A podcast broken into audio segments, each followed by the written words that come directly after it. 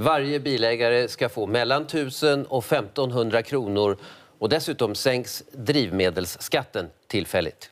Bilbidrag ska dämpa Sveriges unikt höga drivmedelspriser. Men gagnar en skattesänkning verkligen Putin? Så är det om man ska tro spridda miljöpartister och Sveriges energiminister. När man sänker skatten så blir det ju större andel pengar som man betalar till Putin. Jag heter Henrik Jönsson och jag är en oberoende libertariansk entreprenör och samhällsdebattör. Hur kommer det sig att drivmedelspriserna är så höga just i Sverige? Varför prioriterar regeringen alltid bidrag före skattesänkningar? Och vad händer med ett land som beroendegörs av skattestöd för att kunna betala skatt? I veckans video reder jag ut sambandet mellan skatt, bidrag och makt. Jag tar inte heller emot några skattefinansierade bidrag, så om du uppskattar mina filmer så hjälper du mig att kunna fortsätta göra dem om du stöttar mig via något av betalningsalternativen här ute till vänster. Även mina filmer blir nämligen dyrare att göra för varje år som går, så ett stort, stort tack till alla de av er som bidrar. Idag talar jag om bensin, bidrag och bedrägeri. Häng med!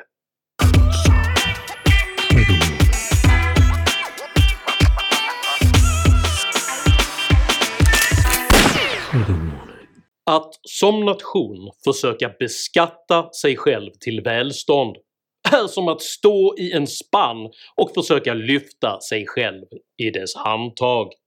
Med denna dräpande kvickhet blottlade Storbritanniens premiärminister Sir Winston Churchill socialismens ekonomiska självbefläckelse, för mannen i spannen tillför nämligen ingen ny energi utan förslösar endast den energi han redan har, utan att komma en millimeter närmare sitt mål. Att kräva in så mycket skatt att staten måste dela ut bidrag för att den överhuvudtaget ska kunna betalas är dock betydligt värre än att försöka lyfta sig själv ur en spann. Faktum är att detta snarare representerar en form av ekonomisk rundgång som kan liknas vid att staten nu har börjat äta sin egen fekalmateria. Gemensamt för dessa motbjudande rundgångsbidrag är att de paketeras som heroiskt altruistiska insatser av en unikt godhjärtad statsmakt i en tid präglad av externa illvilliga krafter, när det i själva verket gäller politiskt självförvållade problem som panikslaget nu hanteras genom skattefinansierade bidrag för skatteinbetalningar. Exemplen på denna typ av missförhållande är många. Sedan decennier tillbaka har exempelvis ingångslönerna på ideologisk grund pressats upp så högt att staten nu subventionerar stora delar av arbetskraften för att någon överhuvudtaget ska ha råd att anställa dem. På liknande sätt tvingades regeringen efter åratal av skattehöjningar och ideologiskt motiverade regleringar av det svenska energisystemet nyligen att införa ett elbidrag för att folk skulle ha råd att betala den skenande elskatten. Hushåll som drabbats allra hårdast av de höga elpriserna den senaste tiden de ska kompenseras med upp till 6 000 kronor. Och i veckan stod det alltså klart att regeringens beskattning och reglering av drivmedel slutligen har tvingat fram ett mycket märkligt bilbidrag. 1000 kronor till alla person, privatpersoner som äger en bil.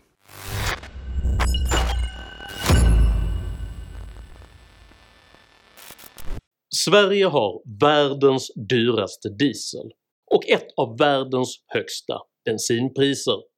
Detta prisläge uppstod långt innan Ryssland inledde sitt krig mot Ukraina och är inte heller någonting som tvingats fram av “marknaden”.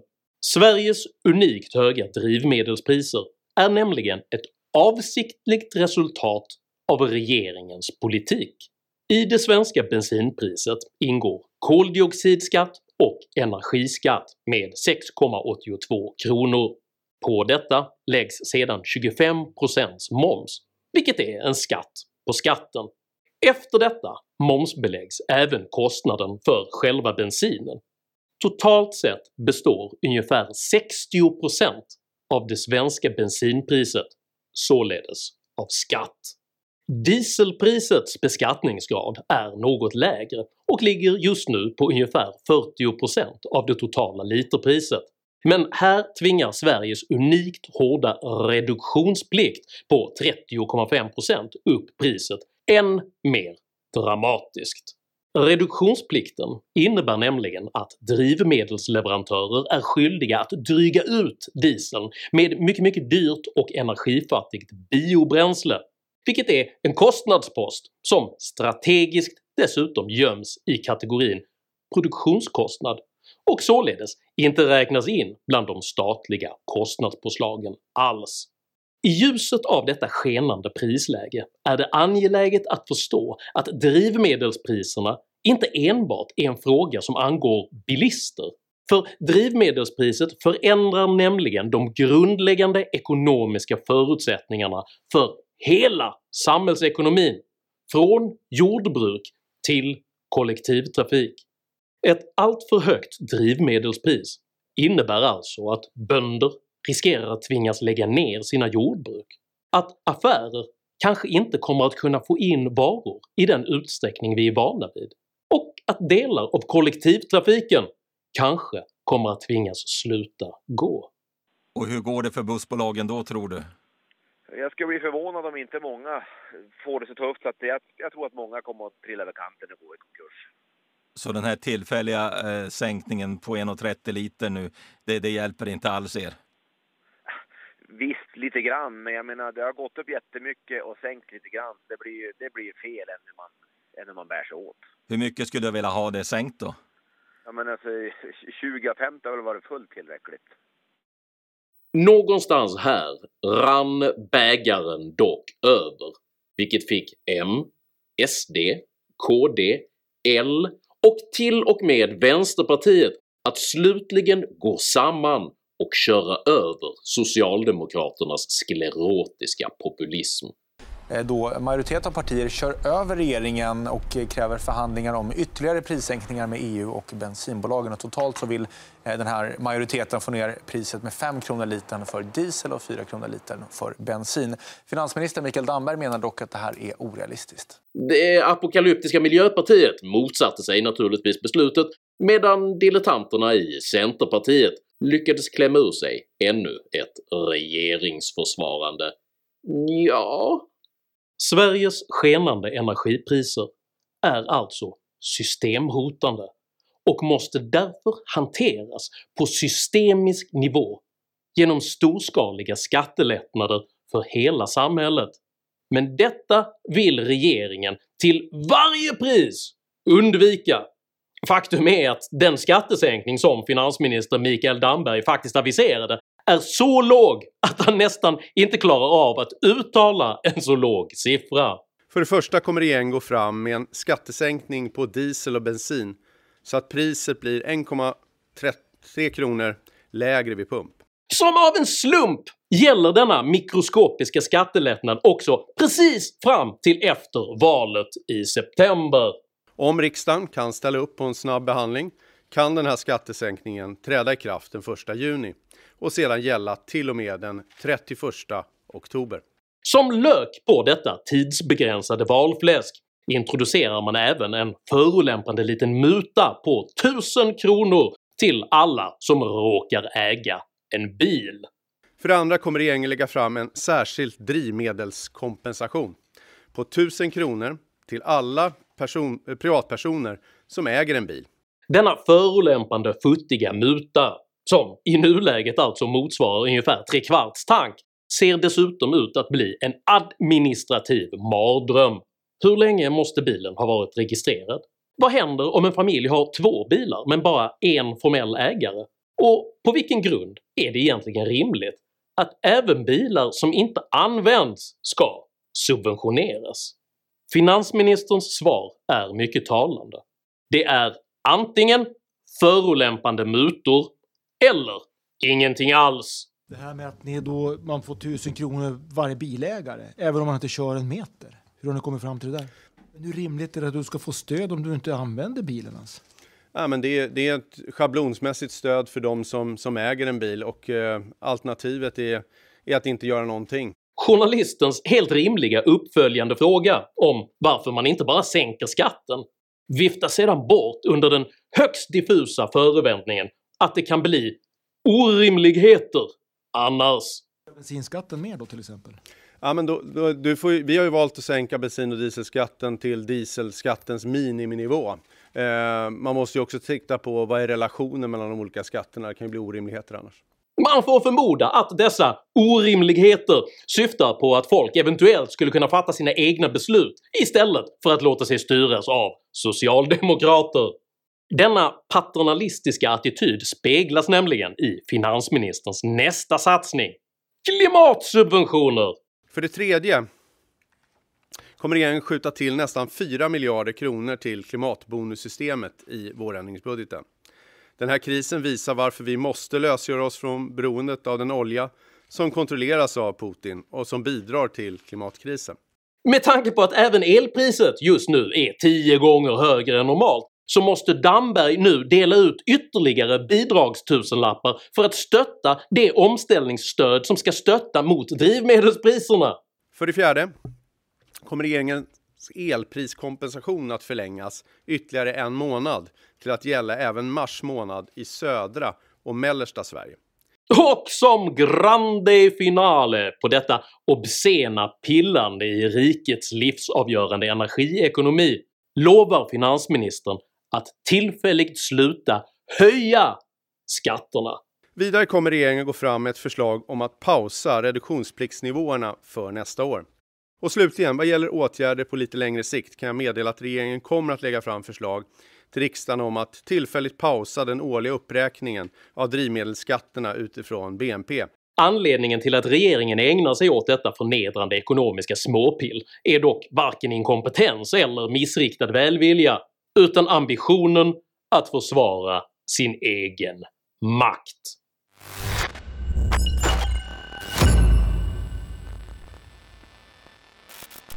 Upprätthållandet av Sveriges unikt höga drivmedelsskatter försvaras nu lika ihärdigt som ohederligt och i slutet av Dambergs pressträff står det klart vem statsministern egentligen försöker beveka. Sverige ska öka takten i klimatomställningen och skapa fler gröna jobb. Eh, vi måste lösgöra oss från oljeberoendet. Det är därför vi skjuter till eh, pengar till klimatbonusen. Det är därför vi satsar på ett grönt avdrag för att fler ska kunna ställa om. Samtidigt måste vi ha trygghet i omställningen. Och när vi nu ser kraftiga prisuppgångar på grund av Rysslands krig i Ukraina är det motiverat att agera. Regeringen kommer fortsatt att ha mycket höga ambitiösa miljö och klimatpolitik för att ställa om Sverige. Du pratar om att öka ambitionsnivån när det gäller klimatet. Hur kommer det sig då att skattebetalarna ska subventionera de som kör diesel och bensinbilar? om jag förstår det rätt så är klimatmålen inte hotade av detta. Är du inte alls orolig att det här har negativ eh, inverkan på våra mål? Det är alltså klimataktivistiska journalister från Sveriges Television och Schibsted som uppfattar Dambergs mikroskopiska skattelättnad som en subvention av diesel och bensinbilar samt som bekymrar sig mer om klimatmålen än om upprätthållandet av rikets infrastruktur i en tid av kris. Faktum är att samma vecka som finansministern hade sin pressträff så valde SVT exempelvis att presentera följande anledningar för att förklara de höga drivmedelspriserna. Oljemarknaden i en ännu större obalans. Marknaden! Ökad reduktionsplikt. Reduktionsplikt. Priset även på växtbaserade material har stigit kraftigt. Marknaden! Det konsumeras snart mer olja än vad det någonsin har gjorts tidigare. Överkonsumtion. De prissätts i amerikanska dollar. Och marknaden igen. Det är inget intrinsikalt fel på Sveriges Televisions lista och givet deras aktivistiska förutsättningar är det faktiskt stort av dem att inkludera reduktionsplikten på listan. Men att inte ens nämna Sveriges unikt höga drivmedelsskatter är faktiskt att ljuga genom utelämnande. Regeringens lösning på detta trängda läge, där man å ena sidan ansätts av personer i akut behov av drivmedel och å andra sidan av klimataktivister med mediaplattformar, är att helt enkelt ljuga. Regeringens första argumentationslinje framhåller därför höga skatter som ett ansvarsfullt styrmedel för att försvara klimatmålen och den svenska demokratin. Läget är påfrestande och mitt besked är att det här kommer fortsätta vara det under en tid framöver. Det är priset vi kommer att behöva betala för frihet, trygghet och säkerhet i vårt Europa. Detta bygger på antagandet att priset styr konsumtionen och att framregleringen av ett högt pris därför kommer att tvinga fram en omställning till andra energikällor. I ett läge där de geopolitiska förutsättningarna redan har drivit upp drivmedelpriset till nivåer där både jordbruk och transportsektor hotas har dock eventuell konsumtionsreduktion redan både uppnåtts och överträffats. Det prispåslag som Sveriges höga drivmedelsskatt nu utgör drabbar således uteslutande den del av konsumtionen som ännu är nödvändig för att upprätthålla rikets infrastruktur. Regeringens andra argumentationslinje gör gällande att sänkt svensk skatt på drivmedel skulle gagna Putins krig mot Ukraina. Denna föreställning har torgförts av såväl miljöpartister som av Sveriges egen energiminister. Sverige har världens högsta dieselpriser och vi nås av så många tittare som undrar varför gör de ingenting åt skatten? Vi ser över en stort antal åtgärder och då ingår även skatten i detta. Men jag vill också återkomma till att när man sänker skatten så blir det ju större andel pengar som man betalar till Putin och till oljeshejken i Mellanöstern och mindre till välfärdens hjältar.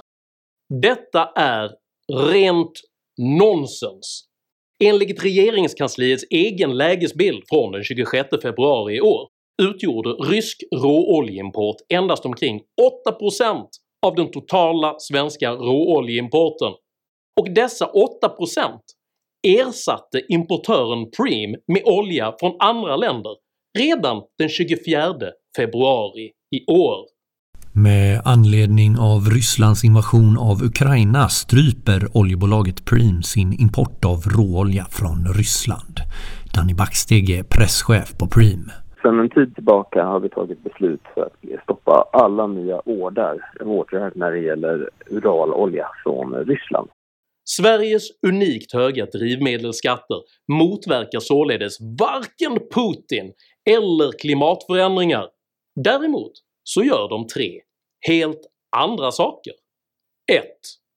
Det beroendegör hela Sverige av de drivmedelsbidrag som endast staten har makt att utdela, vilket befäster socialdemokraternas makt samtidigt som det 2. bevekar antagonistiska klimataktivister och 3. tjänar som valfläsk till underutbildade väljare i valrörelsen. En så kallad win-win-win situation med en enda förlorare – landet Sverige. För en situation där politiker konsekvent skapar problem, vilka sedan endast kan lösas genom bidrag och ett allt högre skatteuttag, är långsiktigt ohållbart eftersom detta knyter upp allt mer av landets resurser i en impotent kortslutning. Det är denna typ av korrupta logik som tillåter finansministern i ett av världens högst beskattade länder att anse det fullt rimligt att kräva en så kallad beredskapsskatt när det påtalas att staten kanske borde fullgöra sitt kärnuppdrag och ha ett stridsdugligt försvar. För alla andra resurser går nämligen åt till att försöka få Sverige att lyfta spannen som landet just nu står i. Tycker du att Sveriges politiker borde sänka skatten och fokusera på statens kärnuppdrag istället för att dela ut populistiska bidrag? I så fall tycker jag att du ska dela den här videon med dina vänner och uppmana dem att både ta och utkräva verkligt ansvar i en tid präglad av svår kris. Påverkas du av de höga drivmedelspriserna? Dela i så fall gärna med dig av dina upplevelser i kommentarsfältet här nedanför. Denna information är faktiskt viktig för att höja medvetenheten om krisens verkliga konsekvenser innan det är för sent. Kom dock ihåg att alltid vara artig, även mot dina meningsmotståndare. Jag accepterar inte aggression, rasism eller personpåhopp i mina idédrivna kommentarsfält. Tack för att du som kommenterar respekterar detta. Jag heter Henrik Jönsson och jag företräder en liten, effektiv stat med fokus på sina kärnuppdrag i högre grad än på populistiska bidrag. Tack för mig och tack för att du har lyssnat.